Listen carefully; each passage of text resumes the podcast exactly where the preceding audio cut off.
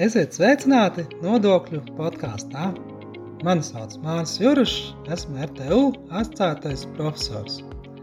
Nodokļu podkāstā mēs stāstām dažādas aktuālas un interesantas tēmas par nodokļiem. Bet ne tikai. Mēs stāstām dažādas jaunumus, projektus, viedokļus, runājam ar ekspertiem, runājam par dažādiem pētījumiem nu un citām lietām, arī par mācību procesu nu, un dažādām lietām, kas noder mums ikdienā.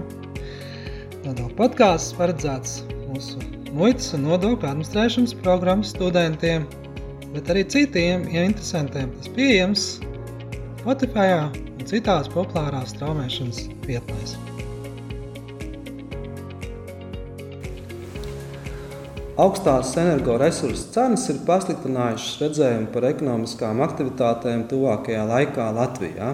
Latvijas banka prognozē iekšzemes koproduktu izaugsmi 2024. gadā 4,2% apmērā, bet, nu, diemžēl, 2023. gadā tiek prognozēts IKP samazinājums mīnus 0,2% apmērā.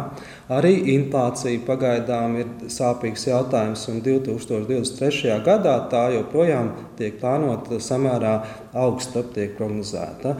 Nu, kā sagatavoties šādam scenārijam un kāda būtu valsts loma ekonomikas atvesļošanā? Par šiem jautājumiem šodien uz sarunu esmu aicinājis Baibu Brusbārdi, Latvijas bankas eksperti. Labdien, Baiba! Labdien! Nu jā, Latvijas banka vienmēr bijusi tāds atceraugs mums un, un līdz, stāvējis līdz šiem procesiem. Un, un Latvijas banka vienmēr censties sniegt tādu savu skatījumu uz gaidī, gaidāmām ekonomiskām aktivitātēm. Nu, Baiba, varbūt sākumā pastāstīja kādu varbūt, savu pieredzi kā no savas profesionālās darbības, kas ir palīdzējuši izsnākt kaut kādus jautājumus un iesaistīties šajās Latvijas bankas aktivitātēs. Latvijas bankā, lai arī ir eh, monetārās politikas iestāde, tas ir iestāde, kas atbild par eh, naudu un eh, tās vērtību to starp. Mēs vienlaikus arī skatāmies uz valsts budžetu. Jo, jo pirmkārt, fiskālā politika ir ārkārtīgi interesanta. Otrkārt, arī Eiropas centrālās bankas līmenī mēs, mums ir jāiesniedz valsts budžeta deficīta un valsts parāda prognoze, jo tas savukārt ietekmē jau tālāk lēmumus par monetārās politikas lēmumus. Un, un, un tas vienkārši, vienkārši fiskālā politika ir tā lieta, ko es daru šobrīd. Un, uh, droši vien tādēļ es arī mēs varam runāt tālāk par valsts lomu ekonomikā. Jā, tieši tā. Tātad šajos arī kritiskajos brīžos tiešām mēs sagaidām šo aktīvu tādu valsts līdzdalību. Nu, kāda, tavuprāt, būtu šī valsts loma šobrīdējā situācijā, šajā kontekstā ar, ar, ar arī šiem energoresursu cenu palielinājumu? Nu, kā, kā mums būtu jārīkojas, lai, lai labāk palīdzētu ekonomikai atvesļoties? Jā, es domāju, ka tur mēs varētu tā pakāpties mazliet atpakaļ un iet tādiem lēniem solīšiem. Jo um, skatāmies no valsts uh, izdevuma puses, tātad, ko valsts, uh, kāda ir valsts budžeta izdevumi. Un, ja mēs skatāmies tā, tad uh, valsts budžeta izdevumi veido 40% no iekšzemes koprodukta. Tas nozīmē, ka faktiski 40% no Latvijas ekonomikas nosaka tas, kādus lēmumus pieņem valdība. Un, attiecīgi, tie, protams, šie lēmumi var gan veicināt, gan bremzēt ekonomisko aktivitāti. Un, uh, ir sliktie laiki un ir labie laiki. Un arī fiskālā politika var atbilstoši reaģēt sliktos un labos laikos. Un šajā gadījumā ar sliktiem laikiem mēs saprotam tādu brīdi, kad Pirmkārt, ekonomika attīstās zem potenciālā IKP. Tas nozīmē, ka attīstās zem tā, ko viņa īstenībā varētu darīt. Ir kaut kāda resursa, ko mēs neizmantojam, plus ir ļoti augsts bezdarbs. Un šādos sliktos laikos valdība var īstenot tā saucamo ekspansīvo, jeb stimulējošo fiskālo politiku. Tas nozīmē, ka, ka, ka valdība tērē vairāk maz, un tādējādi mazina tos um, ekonomiskās um, aktivitātes krituma riskus. Savukārt, labos laikos šī stimulējošā fiskālā politika var kaitēt var palielināt pārkaršanas risku, inflāciju un visu pārējo. Un tas nozīmē, ka piemērotāks tajā brīdī, kad mums ekonomikā ir karsts un viss notiek, valsts budžeta izdevumiem vajadzētu būt saprātīgākiem, jeb ierobežojoša fiskālā politika. Un tas nozīmē, ka tāpat kā ekonomikā, tāpat arī fiskālajā politikā mums ir šis cikliskums, jeb tas, ko, piemēram, ko valdība cik daudz vēlams un ko var darīt fiskālajā politikā? Jā, nu, mēs zinām, ka Latvijas pēdējā periodos ir bijušas dažādas šīs situācijas. Kā, kā šķiet, kā līdz šim izdevusies šādu te, uh, risinājumu? Ir kaut kādi tādi labi momenti bijuši, ka mēs esam izmantojuši šos pamatprincipus un, un pārvarējuši kaut kādas krīzes. Jā, ir jāsaka tā, ka tā tad ir šī pretcikliskā un procikliskā fiskālā politika. Tas nozīmē, ka fiskālā politika stāv pret vēju. Ja ekonomikā ir karsts, fiskālā politika to drusku mēģina atdzesēt. Ja ekonomikā ir augsts, fiskālā politika to mēģina sildīt. Un tādēļ ir šie pro un pret cikli, ka, ka, ka, ka, ka rīkojas vienkārši pretēji. Tad, eh, tad es teiktu tā, ja mēs ņemam luksusforu principu sarkans un zaļš, tad zaļš būs fiskālajai politikai tērēt, kad ekonomika krīt, ja rīkoties um, uh, precikliski. Nu, tā tad stimulēt. Un jāsaka, ka vēsturiski Latvija, diemžēl, daudz biežāk ir bijusi procikliska. Bet tas nav tikai Latvija. Vispār mēs redzam, pieredzē, ka valstīm daudz ērtāk un vieglāk ir tad, kad aug ekonomika, tad aug arī budžeta izdevumi, jo visiem viss ir labi un neredz tos riskus īsti.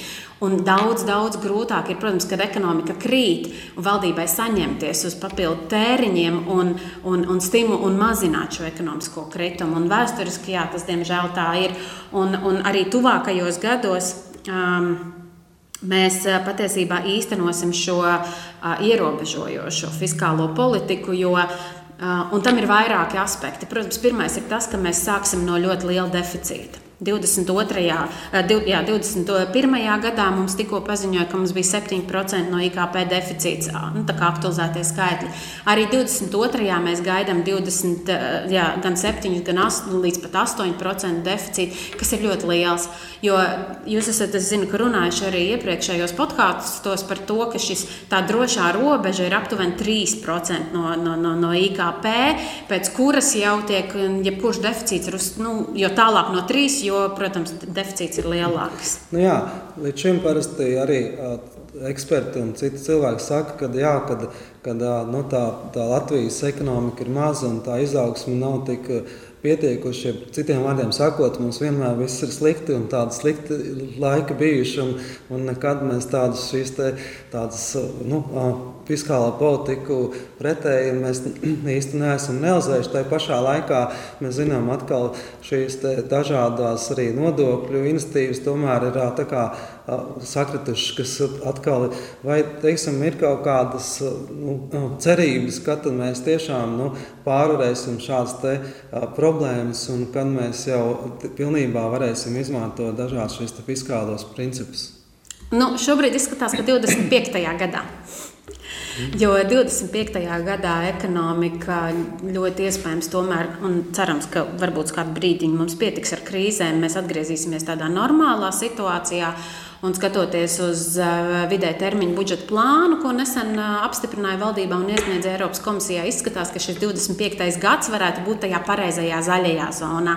Jo kamēr ekonomika joprojām ir zem sava potenciāla, kamēr mēs neizmantojam, neizmantojam visus resursus, ko varētu izmantot, līdz ar to tā izaugsme mums ir lēnāka uh, sanāk tā, ka, fiskālās, ka mēs arī joprojām um, no, kāpjot no ļoti liela deficīta, bet mēs tā kā joprojām esam deficītā, bet aizvien mazākā, mazākā un mazākā. Jo patiesi nu, tas no vienas puses ir pareizi. Protams, jo katrs deficīts noved pie augstāka parāda. Uh, un to mums arī paģēra šie fiskālie noteikumi kas, protams, Jā. uz krīžu laikiem ir nu, mīkstināti, bet arī Eiropā um, nu, tiek teikts, ka šis deficīts ir ar katru gadu jāsamazina vismaz par 0,5% no IKP. Tā kā tam solītam uz, uz sabalansētu budžetu Jā. ir jābūt uh, katru gadu. Tu klausies nodokļu podkāstu, kurā mēs stāstām dažādas interesantas un aktuālas lietas par nodokļiem. Klausīties informāciju ir jauki, taču lai iegūtu pilnvērtīgas zināšanas par nodokļiem, ar to varētu būt par maz. Tāpēc es tev aicinu iegādāties manu grāmatu Nodokļi. Tajā iekļauts dažādas interesantas naktās lietas, gan nodokļu pamatiem, teoriju, nu, un arī praktiskas lietas par nodokļu sistēmu Latvijā. Iegādājoties šo grāmatu, personiski atbalstīs mūsu ieguldījumus studiju procesa pilnveidošanā un aktuāls mācību literatūras sagatavošanā. Bonusā tu saņemsi arī autoru parakstu, nu, ja atnāks pie mums ciemos. Grāmata pieejama RTU grāmatnīcā internetā, kā arī RTU ķīpseles kompleksā Āzenes ielā 6. Jā, nu, lai tiktu galā ar deficītu un arī ar valsts parādu, protams, mums ir vajadzīgs uh, ieņēmumi. Nu, kā, kādi, kā šajā sakarā, kādi šie izaicinājumi varētu būt uh, nodokļu jomā tuvākajā laikā, lai sagaidītu to 25. gadu? Um, Izaicinājumi vai iespējas? Jā, Teiksim, gan, gan, es drīzāk laikam teiktu par, ne, protams, krīzes laikā tas ir izaicinājums, bet uh, kopumā es teiktu, ka ēna ekonomika ir viena no lietām, ko mēs neesam atrisinājuši. Jo, protams, ēna ekonomika 27% apmērā no IKP, jeb viena trešdaļa. Patiesībā mūsu nodokļu ieņēmumi varētu būt gandrīz par trešdaļu lielāki. Un, ticiet man, tas ir pilnīgi pietiekoši skolotājiem, labām algām, mediķiem, izglītības nozarē, visiem ļoti labām nu, pilnīgi pietikt tam visam, gan veselībai, gan izglītībai. Tā iztrūkstošais finansējums, piemēram. Bet, uh, un otrs ir, mēs, ja mēs skatāmies piemēram uz nodokļu likmēm, jo, protams, ir tas uzskats, nu, ka mēs pazemināsim nodokļus, tad mums automātiski mazināsies ēnas. Nu, negluži tā vienmēr ir. Um, pirmkārt, vajadzētu nodalīt, ir darba spēka nodokļi un ir patēriņa nodokļi.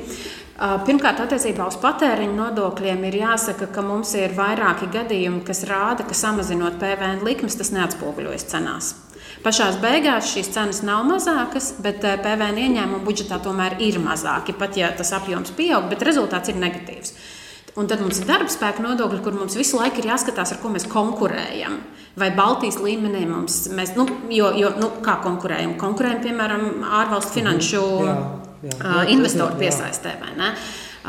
Lai gan arī šeit atkal, un, un, tur, tur šīs atšķirības no vienas puses nav tik lielas, un investori patiesībā likmes, kā mums ir teikts, um, Tā laikam viņiem esot pat mazākā galvas sāpe. Jā, dažādi faktori. Jā, tieši tā, tieši tā. Ir ļoti daudz dažādu faktoru, kas investoram var likt vai nelikt izvēlēties Latviju kā, kā vietu, kur investēt. Jā, tas nozīmē vairāk, mums vairāk vajadzētu pievērsties nodokļu administrēšanai un iekasēšanai, protams, cīnīties ar ēnu ekonomikas parādībām un, un tajā virzienā domāt, neteik, nevis teiksim, kādas ar krasas nodokļu reformas, nodokļu politikas jomā. Uh, nē, mums ir, mēs redzam, ka mums ir, uh, ir vēl ko uzlabot, un, mm. un, un, un, un tas ir redzams, bet ir brīži, kad tas ir jādara un ir, kad to nevajag. Ir, kad vienkārši ka tas, ka, ka, ka tas ieguvums nebūs tik liels ekonomikā, un kad savukārt budžetam kritums būs ļoti liels. Bet ar ēnu ekonomiku nevajag cīnīties. Vajag um,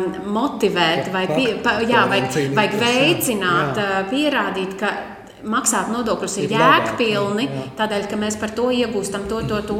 Tajā brīdī, kad ir sajūta, ka uh, tava iedotā nauda tiek tērēta labi un pareizi, tad, tad tā vēlme maksāt uh, pieaug.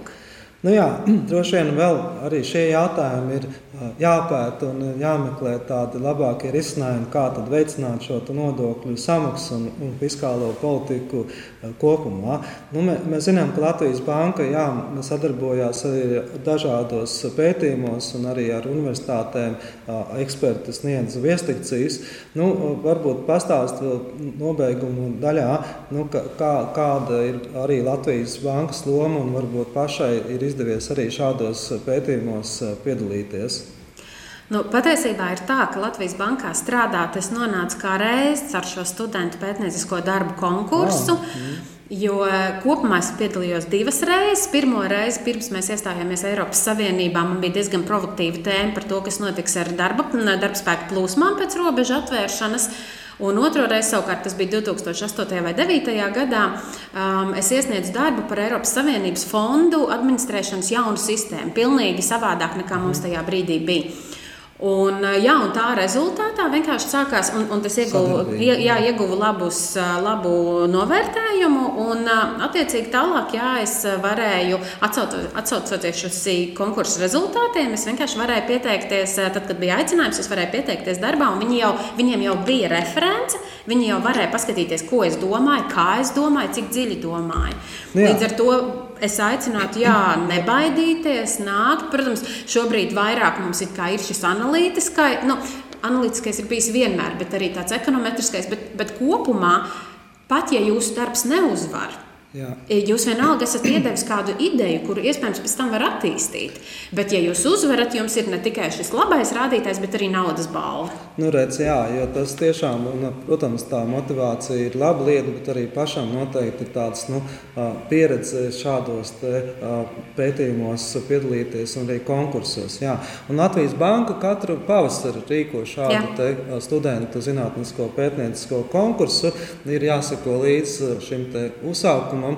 Un, faktiski, jā, tādi studenti var piedalīties ar šiem pētījumiem vēl pirms noslēguma darba aizstāvēšanas, jā, jo tādējādi arī papildus tādu motivāciju pārbaudi uh, iegūt, jā, ka varbūt tās, tas pat palīdz vēl labāk aizstāvēt viņu gal galā iegūstot atbilstošo kvalifikāciju. Jā, jo ir pēc, pēc šos um, mums tātad noslēgumā ir tāda sanākšana tiem, kas ir godāgot, un tad ir arī iespēja pārunāt ar Latvijas bankas ekspertiem, ko jūs domājat par mani manu darbu. Un man liekas, ka dabūt kaut kādu tādu komentāru, man šķita, ka varētu vēl šādi paskatīties, vai varbūt atkal tas bija nu, ārkārtīgi provokatīvi un skatieties, ko jūs tur attīstīsiet tālāk.